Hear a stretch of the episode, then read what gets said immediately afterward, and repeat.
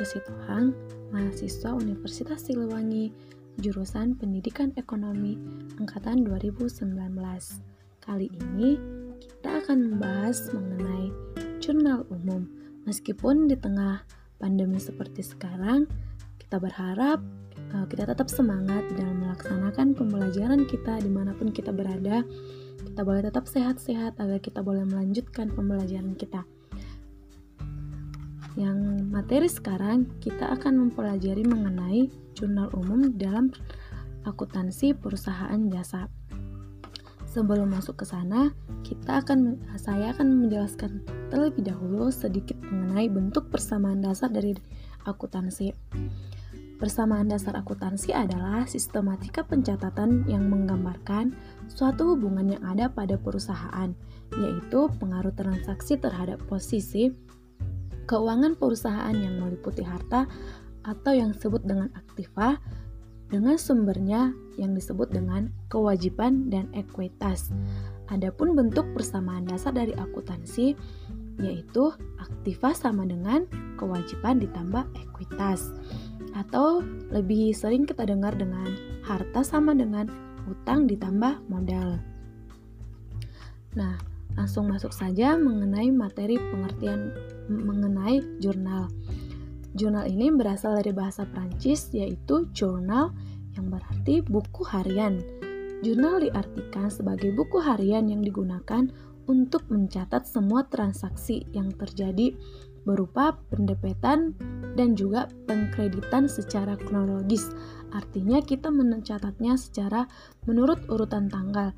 Jadi ya namanya berurutan berarti sesuai tanggal yang terjadi uh, dimulai dari yang dari tanggal dimulai dari awal tanggal dan beserta penjelasan-penjelasan yang diperlukan di dalamnya.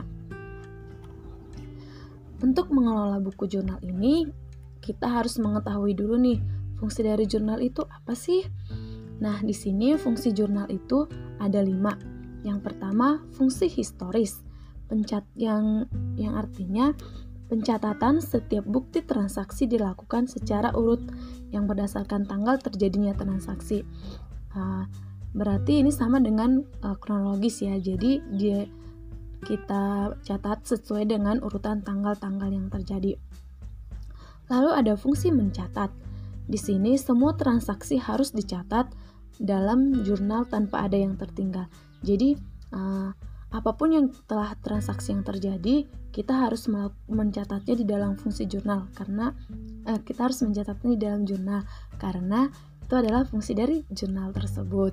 Yang ketiga mengenai fungsi analisis, yaitu pencatatan dalam jurnal merupakan hasil analisis transaksi berupa pendebetan dan pengkreditan serta jumlahnya masing-masing. Yang keempat ada fungsi instruksi, yaitu jurnal merupakan perintah untuk mendebit dan mengkredit akun buku besar sesuai dengan catatan yang ada di dalam jurnal. Yang kelima ada fungsi informatif yaitu catatan dalam jurnal memberikan penjelasan mengenai transaksi yang terjadi. Lalu melakukan pencatatan transaksi di dalam jurnal. Yang pertama, jurnal merupakan pencatatan pertama kali ataupun yang disebut dengan the book of original entry dari suatu transaksi yang harus didasari tanda bukti transaksi yang terjadi. Jadi, ketika kita melakukan pencatatan di dalam jurnal ini, itu harus dibarengi dengan adanya bukti transaksi yang telah terjadi. Jadi, kalau tidak ada bukti transaksi, ya kita tidak boleh melakukan uh, di dalam jurnal ini. Yang kedua, jurnal dibuat untuk memperkecil kemungkinan kesalahan yang terjadi di dalam proses pemindahan transaksi ke dalam akun buku besar masing-masing. Nah, jadi ketika kita melakukan uh, pencatatan di dalam jurnal ini, artinya kita telah memperkecil kemungkinan kesalahan yang akan terjadi di dalam uh, untuk ke depannya gitu. Di dalam uh, pencatatan akuntansi ini. Nah, untuk yang terakhir itu pencatatan jurnal melibatkan dua atau lebih akun yang harus didebet dan dikredit dalam jumlah yang seimbang. Jadi, uh, di dalam jurnal ini akan ada uh, melibatkan dua ataupun lebih akun. Jadi, ya dan kita akan meletakkannya di sisi kredit dan di sisi debit sesuai dengan transaksi yang transaksi yang telah kita lakukan. Nah, untuk melakukan uh, pencatatan dalam jurnal ini pun ada aturan pembukuannya gitu loh. Jadi uh, kita nggak boleh sembarangan untuk melakukan pencatatan di dalam jurnal ini. Ada hal-hal yang perlu kita perhatikan untuk pengelompokan akunnya. Yang pertama, kelompok akun harta atau aset ini ketika dia bertambah, kita akan melakukannya uh, meletakkannya di sisi debit Nah, ketika dia berkurang, kita akan meletakkannya di sisi kredit. Adapun saldo normal dari harta ini terletak di dalam di sisi debit. Yang kedua ada akun utang atau likuiditas. Nah, ketika utang ini bertambah, kita akan meletakkannya di sisi kredit. Nah, ketika dia berkurang, kita akan meletakkannya di sisi debit. Adapun saldo normal dari utang uh, akun utang yaitu di sisi kredit. Yang ketiga ada kelompok akun. Kelompok akun modal. Kelompok akun modal ini ketika dia bertambah, maka kita meletakkannya di sisi kredit dan ketika berkurang kita letakkan di sisi debit dan saldo normalnya itu ada di sisi kredit. Yang keempat ada akun pendapatan. Nah, ketika pendapatan ini bertambah, kita akan meletakkannya di sisi kredit dan ketika berkurang kita letakkan di sisi debit. Nah, saldo normalnya itu ada di sisi kredit. Yang kelima ada kelompok beban. Ketika beban bertambah, kita akan meletakkannya di sisi debit dan ketika berkurang kita letakkan di sisi kredit dan saldo normalnya ini berada di sisi debit. Yang keenam ada kelompok akun priv atau prive ya. Ketika prive bertambah, kita akan meletakkannya di sisi debit. Ketika berkurang, kita meletakkannya di sisi kredit dan saldo normalnya itu ada di sisi debit.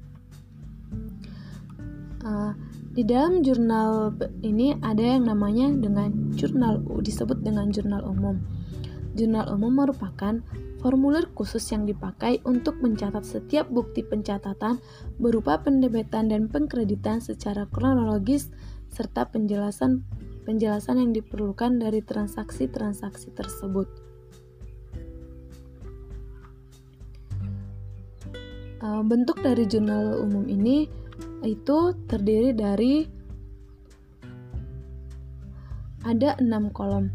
Yang pertama itu ada tanggal. Di tanggal ini juga kita akan uh, boleh dibagi dua lagi, yaitu pada sisi A dan sisi B.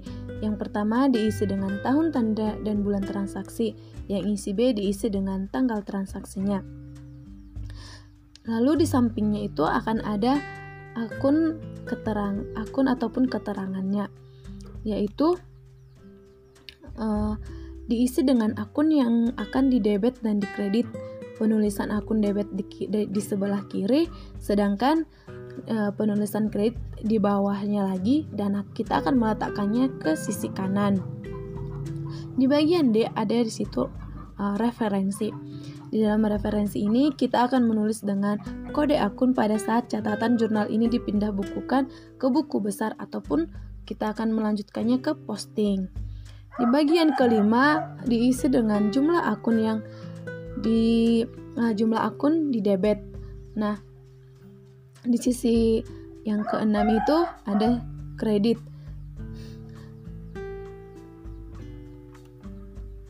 Demikianlah penjelasan singkat dari saya mengenai jurnal dan uh, jurnal umum.